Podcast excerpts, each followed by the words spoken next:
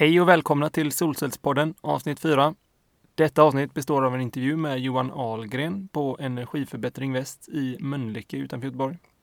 Min första kontakt med Johan kom när jag och Marcus var på en temadag som han anordnade, då det diskuterades mycket solvärme, solhybrider och bergvärmepumpar. Det här är lite av Johans expertisområde och syftet med intervjun var då att diskutera vidare de här sakerna. Johan var väldigt tacksam att intervjua eftersom att han verkligen älskar att snacka om sådana här saker och egentligen så hade jag nog bara kunnat ställa in en mick, gå därifrån och komma tillbaka en timme senare och ha en jättebra podd. Det är min första bandade intervju och eh, tekniken är inte riktigt fulländad. Det blir lite mobilstörningar och jag flyttar runt micken lite för att eh, få bättre, försöka få bättre ljud och detta kommer höras väldigt tydligt i podden. Men ah, i övrigt är jag väldigt nöjd med intervjun och det var ett väldigt intressant samtal som jag hade med Johan och om man vill veta mer så är det bara att höra av sig. Så kanske jag kan förtydliga lite saker som inte framgår. Så välkomna till fjärde avsnittet av Solcellspodden med mig Per Hedstedt och Johan Ahlgren på hans kontor på Energiförbättring Väst.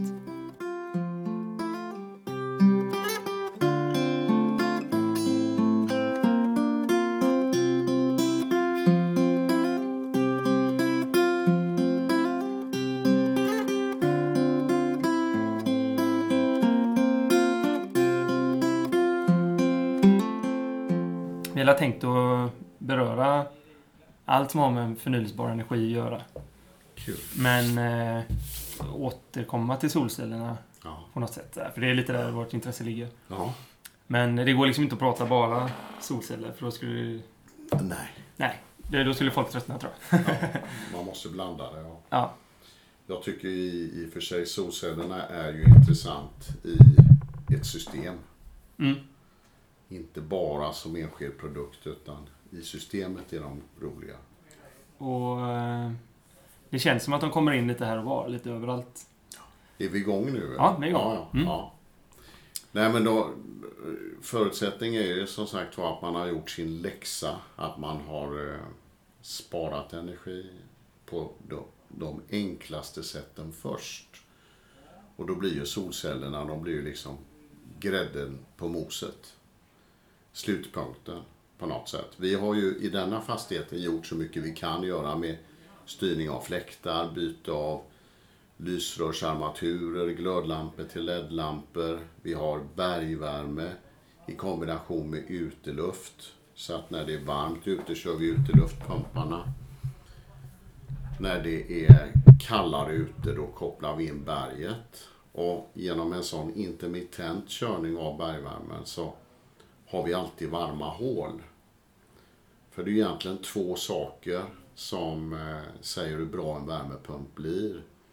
Ja, tre kan man väl säga då, men en av de viktigaste punkterna det är ju att inkommande köldbärare, det är lite motsägelsefullt, är så hög som möjligt.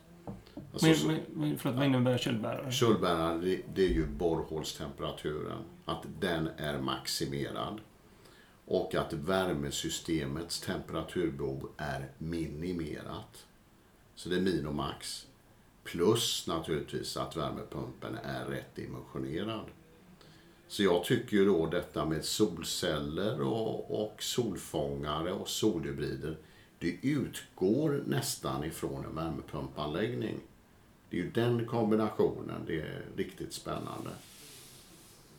Och för att knyta an till den här anläggningen, det innebär ju då att en stor del av året så står ju våra borrhål orörda. Vi kan alltså inte kyla ner dem utan vi säkerställer ju en hög temperatur när vår värmepump väl får starttillstånd. Och en sån här dag när det då är kanske 7-8 grader ute, då är det bättre att köra uteluft. För då är dess kopfaktor, värmefaktor, större än den i borrhålet. Va? Vilken temperatur är det i borrhålet? Nu skulle jag kunna tänka mig en sån här dag eh, efter en vinter 3-4 grader. Så att eh, det är ju den här kombinationslösningen för det kostar ju mycket att borra hål. Och kan jag då hitta en möjlighet att använda mig av uteluftsteknik och hitta hitta en placering så att inte boende blir störda eller kontoren blir störda. För att det är ju nackdelen då med uteluften att det är en fläkt och genom fläkten driver på åtskilliga tusentals kubikmeter per timme. Det skapar ett ljud och det gör då att i en bostadsrättsförening kanske det inte funkar. I innerstaden i Göteborg kanske det heller inte funkar och då har man då, har man, då är man tillbaka på bergvärmepumpstekniken. Men den, i det läget kan man ju då kombinera det med solhybrider. Så liksom där har, vi, där har vi systemet. Så att vi har ju gjort det vi har kunnat göra här nu i denna fastigheten. Och då blir ju så att säga nästa steg, det blir ju rena solceller mm. för att driva fastighetselen. Och i princip då värmepumparna när det är möjligt. Men det, det, som, det som är då lärdomen från solhybridtekniken, det är ju den termiska värmen. Ja. Alltså inte elen, utan den termiska värmen som naturligtvis är lågvärdig i förhållande till elektricitet. Alltså exergivärdet på elektricitet är ju betydligt större. Alltså det, att du kan utnyttja det till många fler saker? Exakt. Ja. Helt rätt. Mm. Men den termiska värmen eh, är ju mångdubbelt större. Och kan jag då ta vara på det på ett fiffigt sätt så att jag aktivt värmer vattnet till värmepumpen. Eh, då är det ju, då är vi tillbaka till det där liksom, hur gör jag en värmepump bra? Jo, att kölbäraren är så hög som möjligt i temperatur. Och då har jag nytta av mina hybrider. Så att den applikationen har man ju inte använt nere i Tyskland exempelvis. För alltså, får... ja, så du använder alltså eh, elektriciteten från solcellen för att värma kölbäraren? Eller nej? Nej, nej. Eh, utan den här hybridsolfångaren den har ju två delar. Det yttre skiktet, det är solelen, solcellerna. Och på baksidan av dem så har jag en volym vatten, eh, en vätskevolym, som är glykol och vatten. Och när vi producerar el, då blir det varmt på baksidan av solcellerna. Då kyler jag av dem med vätska från borrhålen. Eh, om det är så att solen inte är uppe eller det är nattetid så fungerar den termiska delen ändå förutsatt att det är varmare på taket, 2 till 3 grader varmare där, än vad det är i borrhålen. Så det finns ju massa med skrönor om det här med solenergi i Sverige. Det fungerar ju knappt en månad per år. Det vi har visat, bevisat med de här anläggningarna, eftersom de är uppkopplade på nätet, så kan jag gå in när som helst och kontrollera hur de körs. Det är ju att den här tekniken den fungerar även nattetid, när solen ligger och sover. Och även eh, väldigt bra, kanske en decemberdag, en januaridag. 25, 25 februari i år, det är bara några dagar sedan, då hade vi 18 kilowatt eleffekt från taket uppe i Kungälv. Och vi hade över 100 kilowatt termisk effekt från taket. Den termiska delen, är, den eh, verkningsgraden där ligger på 60-70 procent någonting, eller hur? Eh,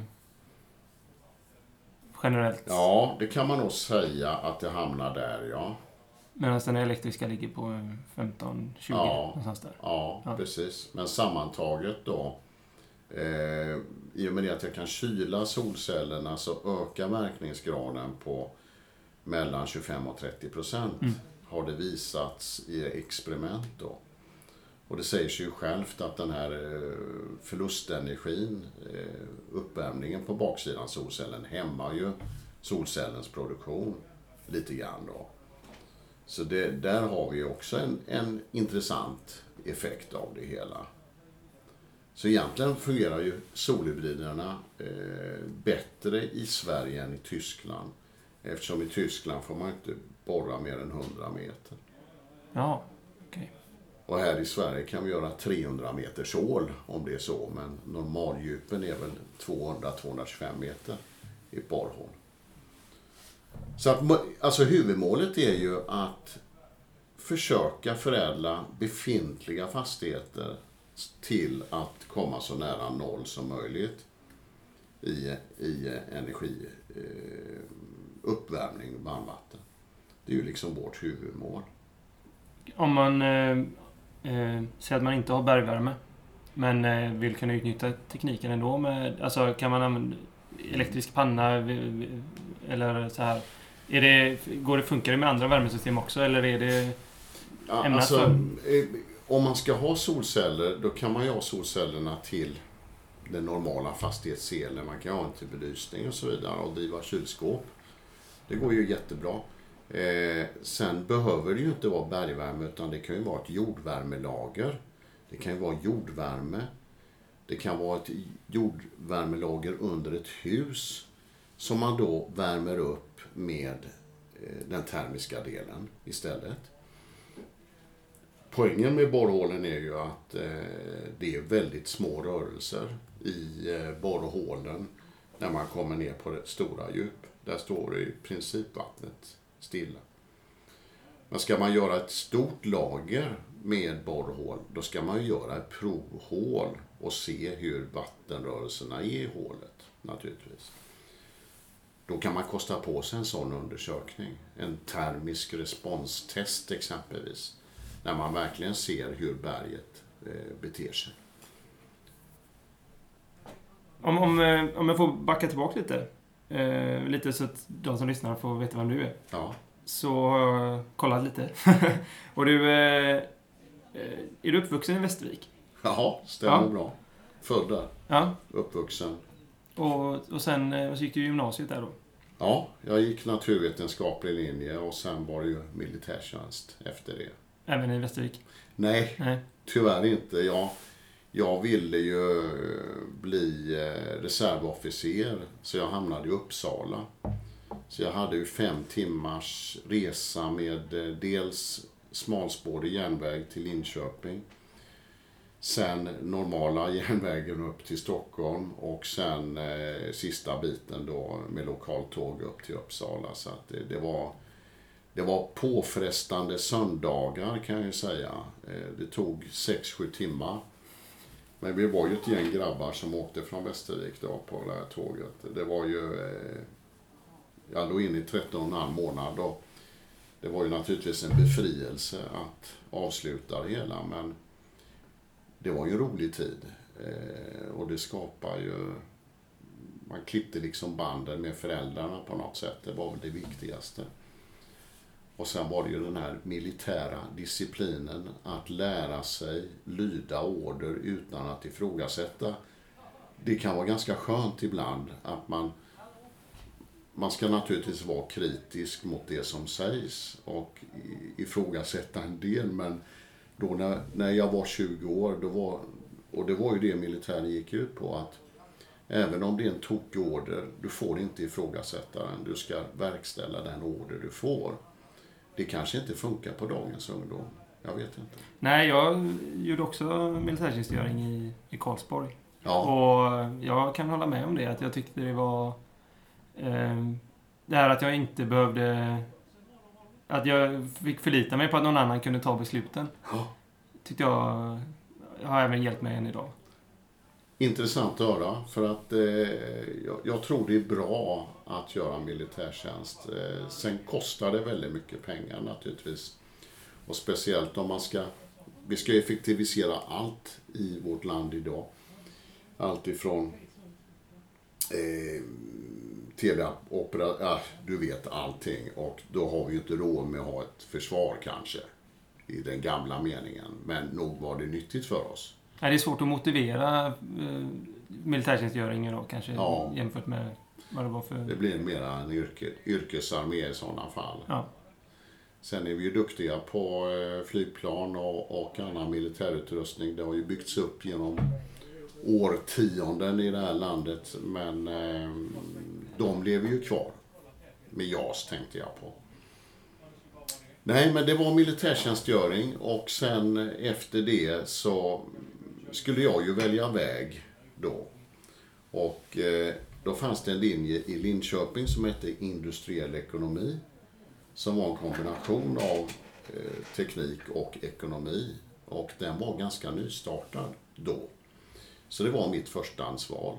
Sen var andrahandsvalet, det var ju Chalmers. Och tredjehandsvalet, det var KTH. Och det blev Chalmers? Det blev Chalmers. Och det är ju ingenting jag är bitter över. Nej. Tvärtom.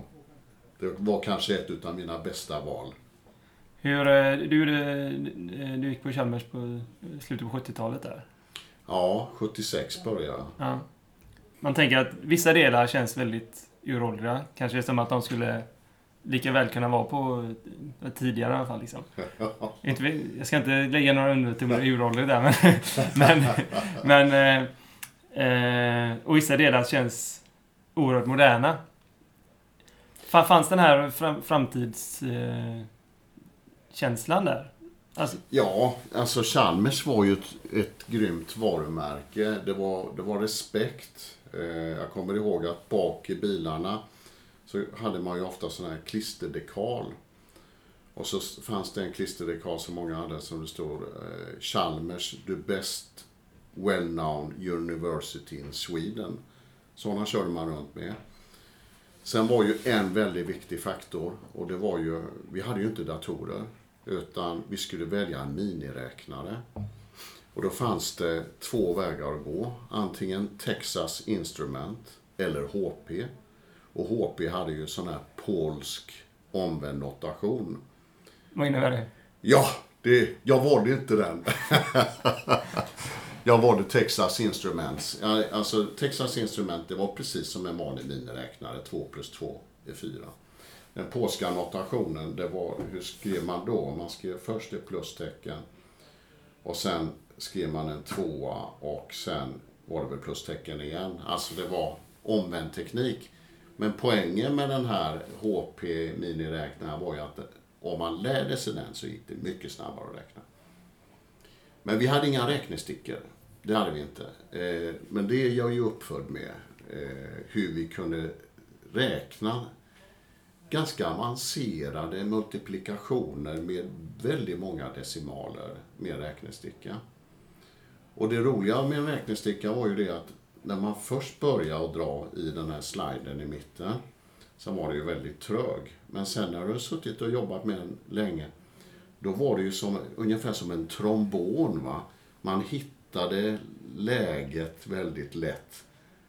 Sen var det ju, när man räknar med räknesticka så var det ju väldigt viktigt att ha en grov uppskattning av hur stort talet skulle bli. Så du kunde, alltså om du, du, du måste kunna bedöma vad multiplikationen skulle sluta på ungefär. Va?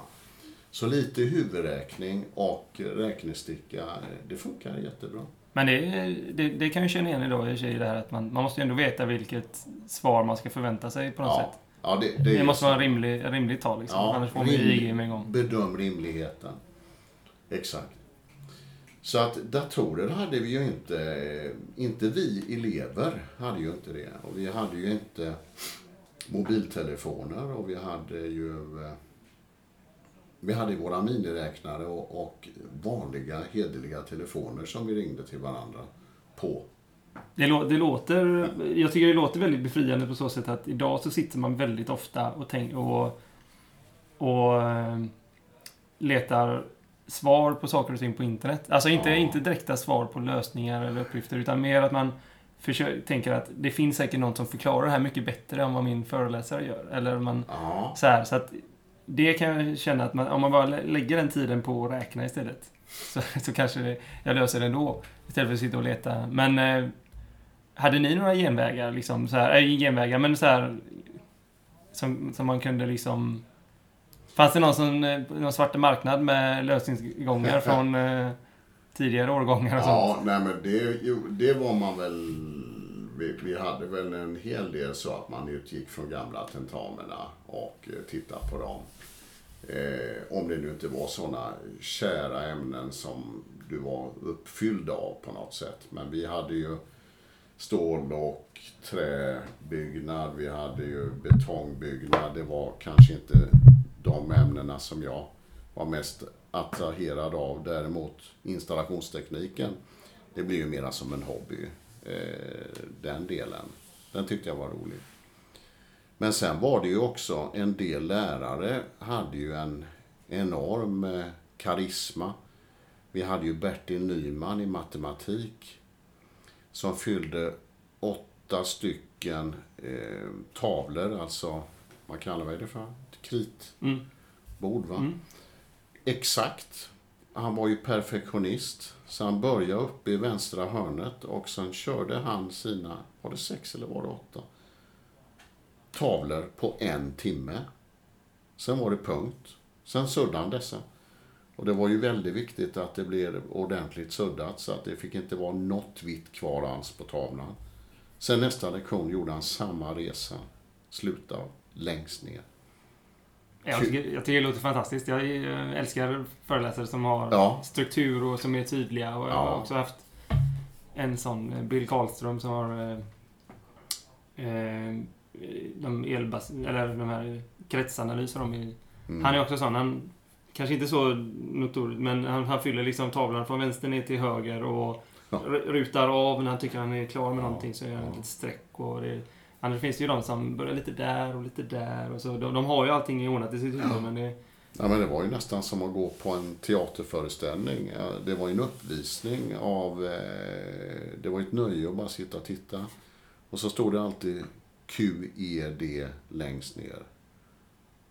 Quad et demonstrandum. Vilket skulle bevisas då? Just det.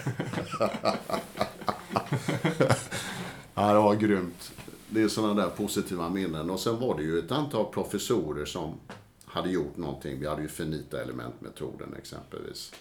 Alf Samuelsson och Nils-Erik Wiberg som var ju snillen.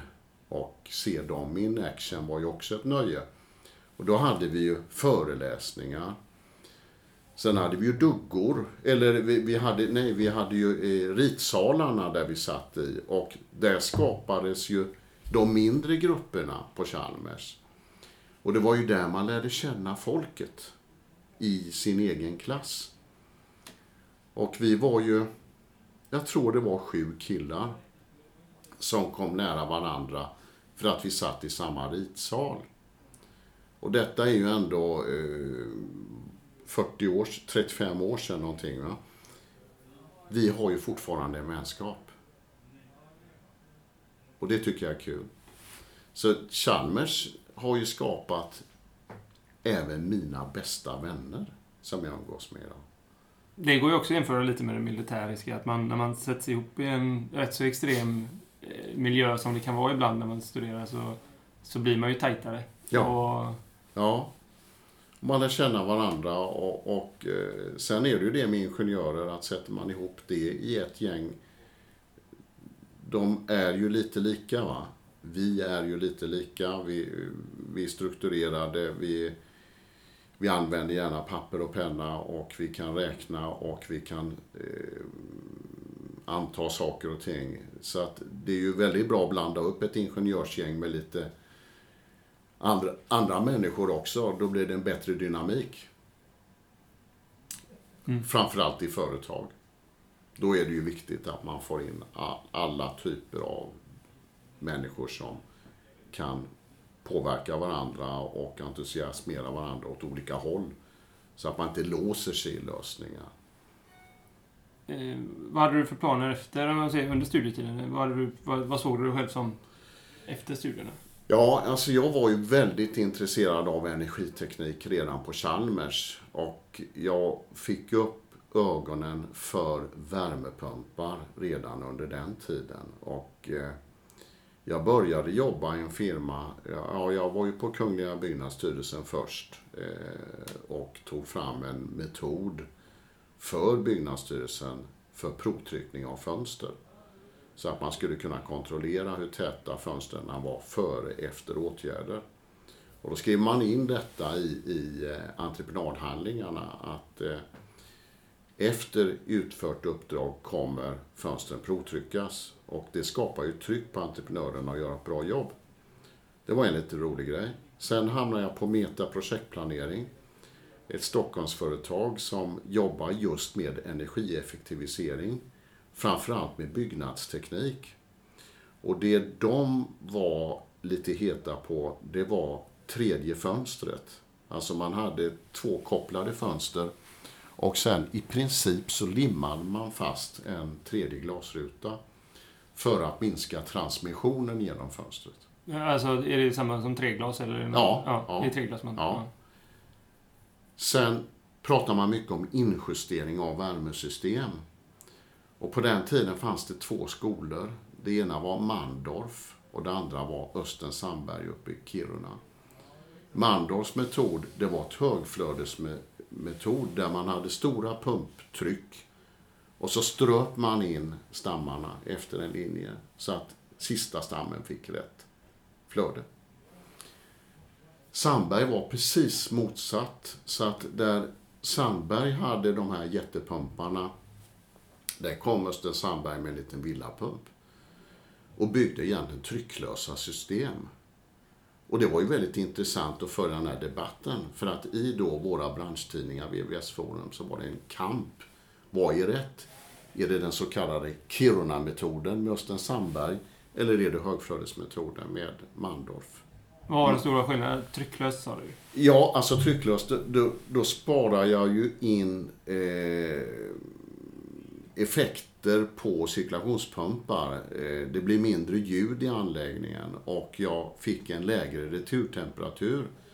Så skulle jag av någon anledning injustera ett värmesystem för en värmepump så var ju Kiruna-metoden extremt intressant.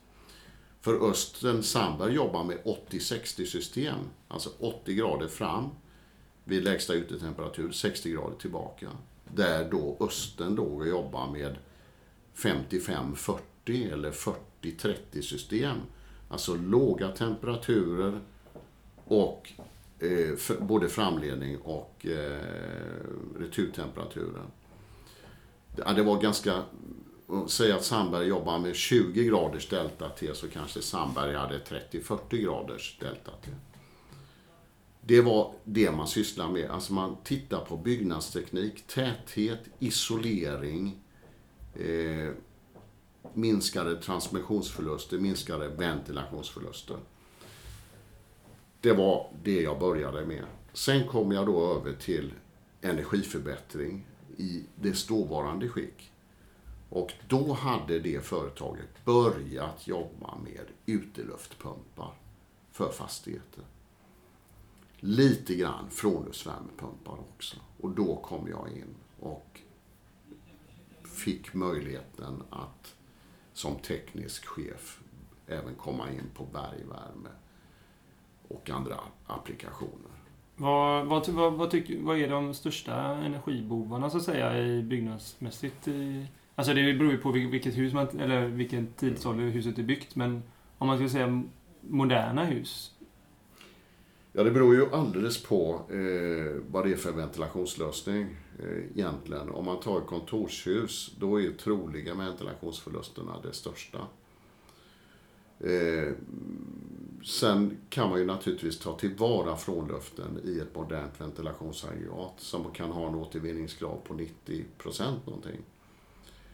Men eh, så det är lite beroende på vad för typ av hus det är.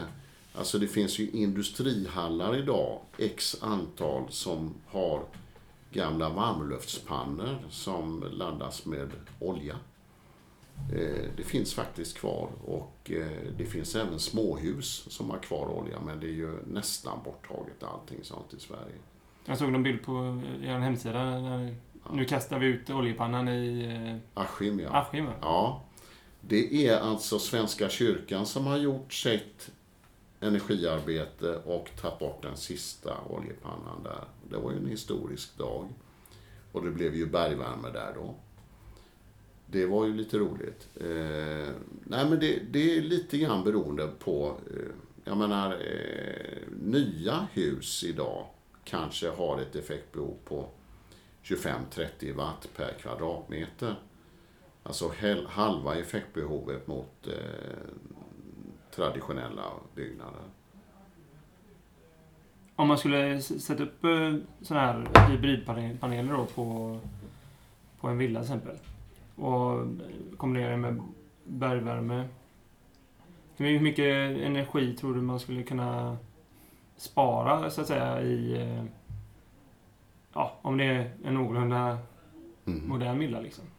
Ja, det beror ju alldeles på ytan eh, man lägger upp då. Men man kan säga det att hybriderna dimensioneras ju efter hur djupt jag borrat.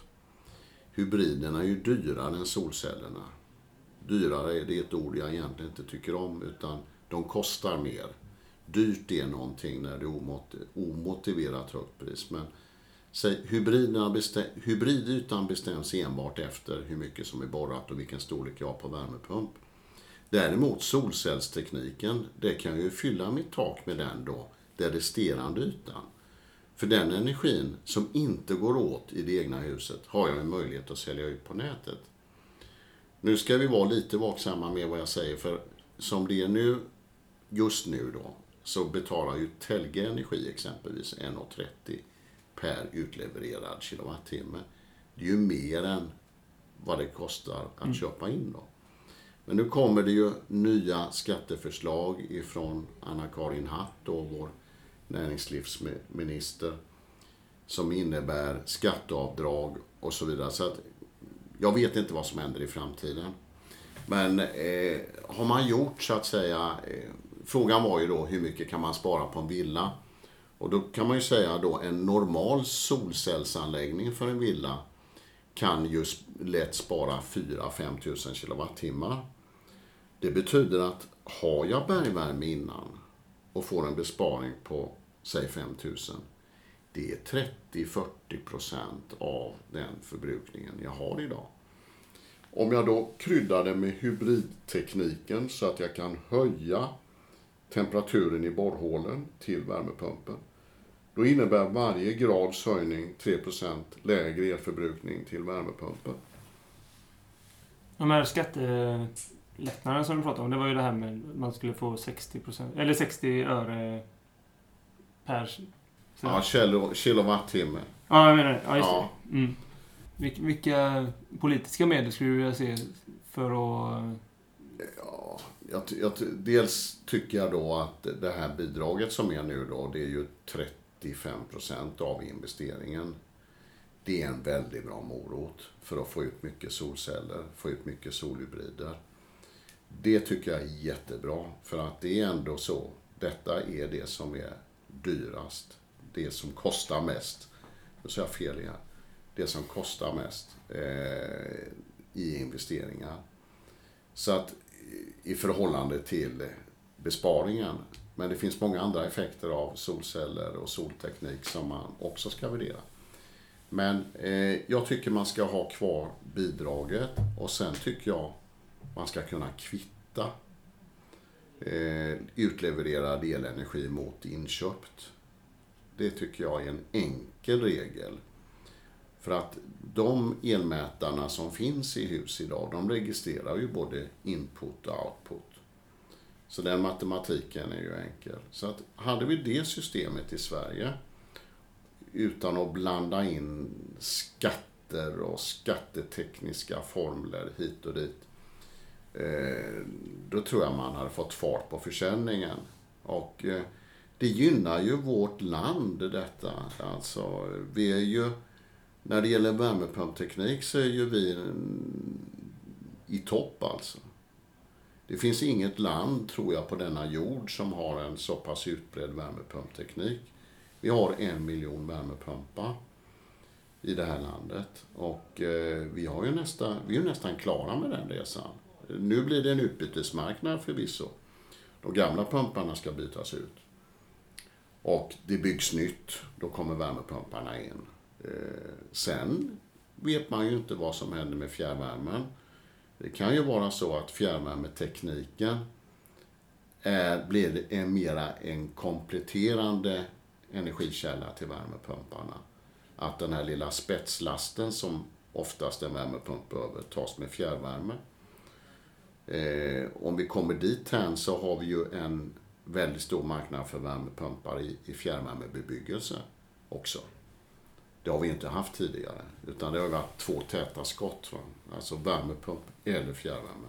Men om man kan kombinera de teknikerna så kan det bli väldigt intressant. Fjärrvärmebebyggelse, är det tätorter, storstäder Ja. och så då? Det behöver inte vara det för att politikerna i de mindre kommunerna har ju drivit på Ja, vem som har drivit på vet jag inte egentligen, men eh, om det är fjärrvärmebolagen eller om det är politikerna. Men under väldigt många år har man ju sett fjärrvärmen som en lösning på någon form av energiproblem. Har man ju sett det som.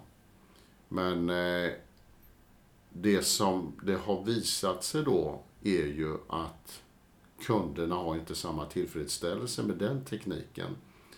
Eftersom det höjs lite grann priser, eh, lite omotiverat kanske. Och kunden har ju svårt att påverka sin förbrukning. Alltså det är fjärrvärme, fjärrvärme i centrala Göteborg, korrekt, jättebra.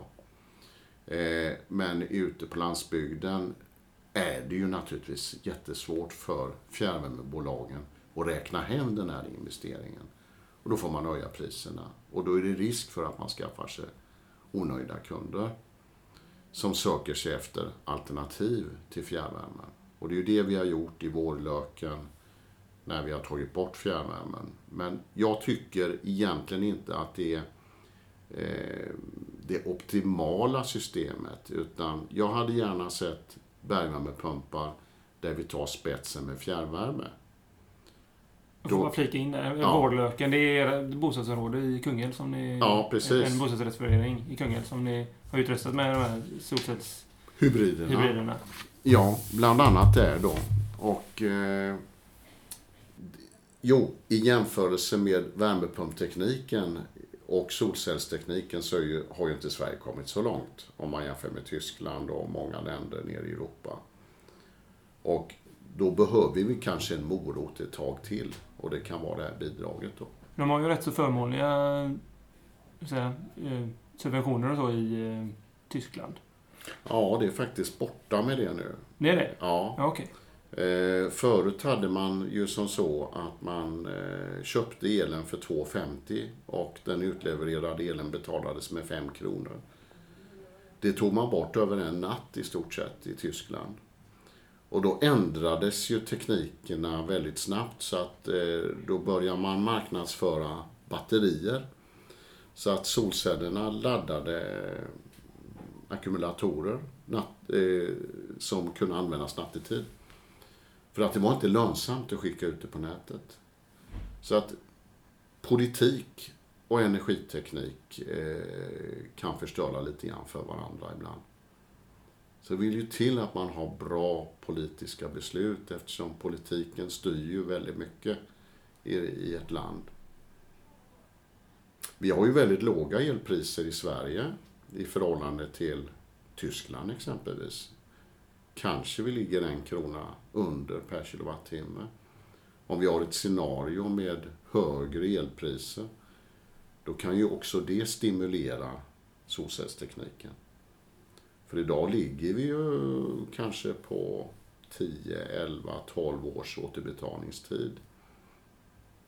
Men det är många andra faktorer som är intressanta. Just detta att man visar att man gör något. Man, kan, man blir fascinerad av hur pass stor solinstrålningen ändå är här uppe i våra, det här landet och i Skandinavien. Ni vann ett eh, pris också nu i eh, för, 2013. Ja, i maj ja. I maj. var det. Mm. Mm.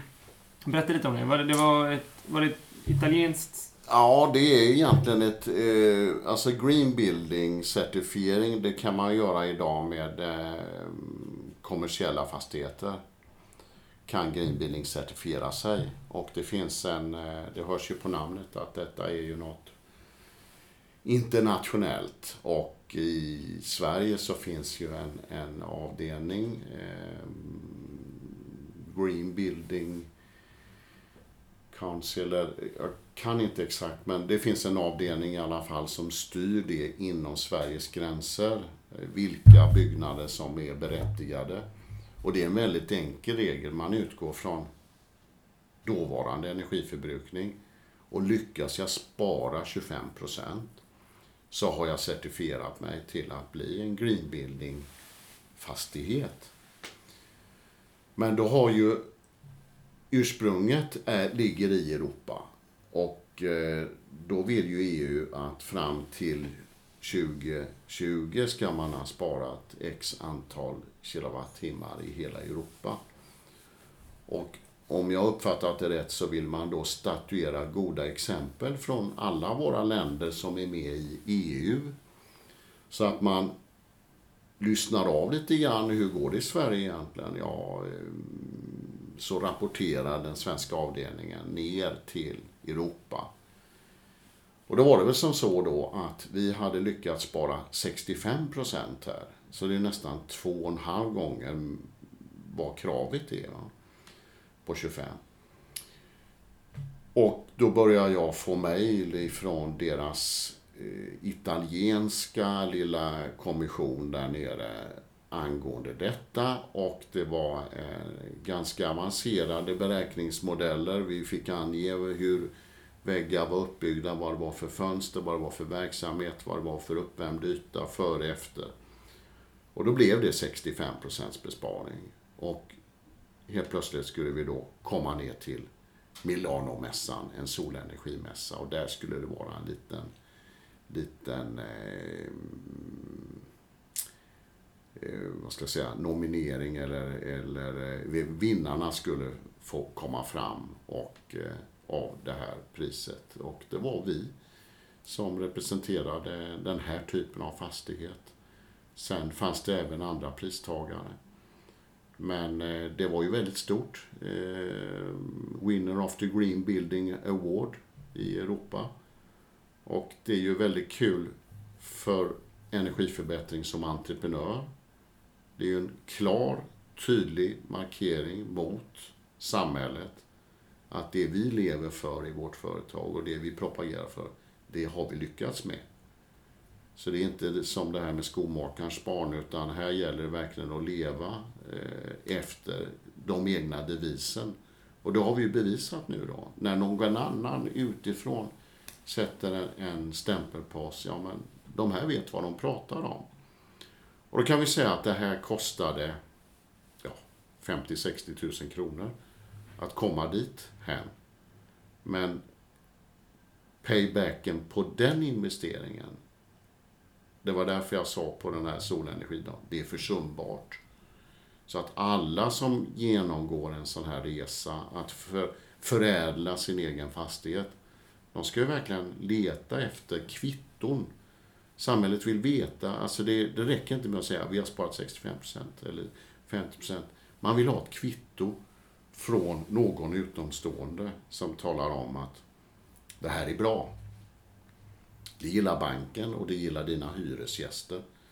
Så vi har till och med haft hyresgäster som har sökt sig till denna fastigheten för att vi hörde att ni hade fått det här priset för bästa greenbilen. Det är ju väldigt stort i allmänhet med certifieringar och märken. Om man, om man går i affären och letar febrilt efter att, att det var miljömärkt och MSC-märkt och allt vad det kan vara. Då är det klart att man, när man gör större investeringar, också letar efter de här mm. garantierna. Mm. Och det är ju oftast en diskussion, eftersom man varit med så pass länge nu, så det, det man kan vara lite orolig för, kan det verkligen bli så bra som ni säger? Kan det verkligen bli så att vi går från 650 000 kilowattimmar per år fjärrvärme ner till eh, under 200 000 kilowattimmar elström. Är det möjligt? Eller 150, eh, någonstans däremellan. Är, är det verkligen möjligt? Och då är det här med kvitton, bevisen, är ju så viktigt. Sen var det ju roligt eh, för energiförbättring, dess personal och kunder och roligt för mig då som har varit iscensättare av det hela att eh, komma dit här. Spännande. Ja. Ska vi kika på din... Eh... Ja. Ja, här är Per igen. I det här läget går jag och Johan bort till hans dator där han eh, via nätet kan följa flera av de anläggningar som Energiförbättring har installerat. Han klickar upp bostadsrättsföreningen Vårlöken och på datorn kan han se alla värden och komponenter i prydliga flödesscheman. Men eh, vi har väl ett tiotal upplagda här nu. Och det gör ju då att jag kan sitta här vid min egen bildskärm och kontrollera om det stämmer det vi har sagt. Så nu klickar vi in här på vårlöken eftersom det är ett, lite av ett huvudämne. Och eh, nu har vi idag den 28 februari 2014, klockan är 10.41. Så levererar vi elektrisk elektricitet kan vi säga då på 9,6 kW medan solvärmen ligger på 20 kW. Den är dubbelt upp just nu då. Där ute har vi 7,6 grader i lufttemperatur. Våra paneler ligger på 5 grader. Och vi driver upp en köldbärare som håller 1,7 och vi får ner ungefär 3,5 grad. De 3,5 graderna växlas mot en köldbärare på 1,2. Så vi får in till värmepumpen 3,4 värmepumparna. Och det gör ju då att just nu så kör vi en värmepump på ungefär 50 kilowatt. Och vi eh, drar nytta av den termiska energin. Tittar vi på elpannan här uppe på den här delen så har ju inte den varit inne på hela den här vintern utan vi driver en anläggning med två stycken bergvärmepumpar. Och det är, det är mycket tack vare att vi kan säkerställa en hög eh, temperatur på den termiska delen. Och som sagt var, elen här idag då, den är ju än så länge på 9,6. Jag skulle tänka mig när solen bryter fram här, eh, den är ju på väg nu, så sticker de här väl. Jaha, nu stack den termiska ja. värmen till 34. Vad var den på innan sa du? Ja. Vad var den på innan? 20. Ja, herregud. Så bara pang. Ja, ja. Så du, du, du märker vilken kraft det är detta. Va? Eh, men hur, för termisk, alltså, termisk energi känner jag, eller känns som rätt så långsam i sin förändring, eller? Borde inte vara det? Jag kan tänka mig att sol, solcellerna ja. kan ju sticka iväg om det kommer en mål och sen försvinner det så, men Ja. Eller hur funkar det med... Nej, det är ju det att den... Vi har ju sån enorm yta här. Ja. Vi har ju 330 kvadratmeter termisk eh, yta. Så att eh, en liten förändring i solläget märks direkt. Och jag tror ju att soleffekten idag, den kommer ju att dubbleras. Den kanske går upp i 20 kilowatt. Och solvärmen som på maximum idag kanske kommer att ligga på 100 kilowatt. Mm. Och, det, och det här är ju, det är ju bra för mig, det är bra för kunden och kunna följa hur fungerar detta eftersom här plöjer vi ju ny mark. Det är ju ingen som har använt de här applikationerna innan i Sverige. Och då, då är det ju alltid att mäta är att veta, den gamla devisen. Eh, oerhört viktigt att få statistik på det här viset. Jag kan tänka mig att det är väldigt lätt att fastna och sitta och titta på siffror. Alltså just det, det är väldigt roligt. Man ställer in Let's Dance. Ja. Eh, du, jag kommer lite senare ikväll. Jag har något viktigt att göra på jobbet. Sitter man och hänger där hela helgen? Nej, fullt, fullt så illa är det inte. Det är, det är klart att fick jag välja. Ja. Men man får ju inte det. Nej.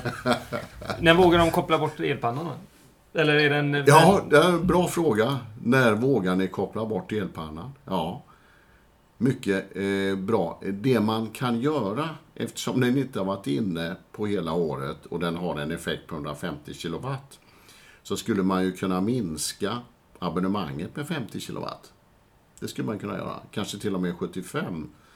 För att man vill ju ha, där vi har med lägenheter att göra, privatpersoner, 70 lägenheter, som vill ha värme och varmvatten året om, då är det väldigt skönt att ha en backup i form av en elpanna. Men den kanske inte behöver vara på 150 kilowatt.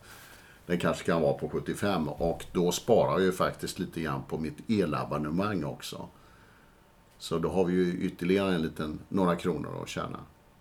Det finns alltid några små bäckar till som man kan... Ja, man kan aldrig vara färdig. Man kan, man kan gott vara nöjd korta perioder. Men sen ska man ju ge sig ut på jakt igen. Kilowattimmejakt. Nu har vi 35 kilowatt mm. eh, solvärme. Solen har gått upp till 10.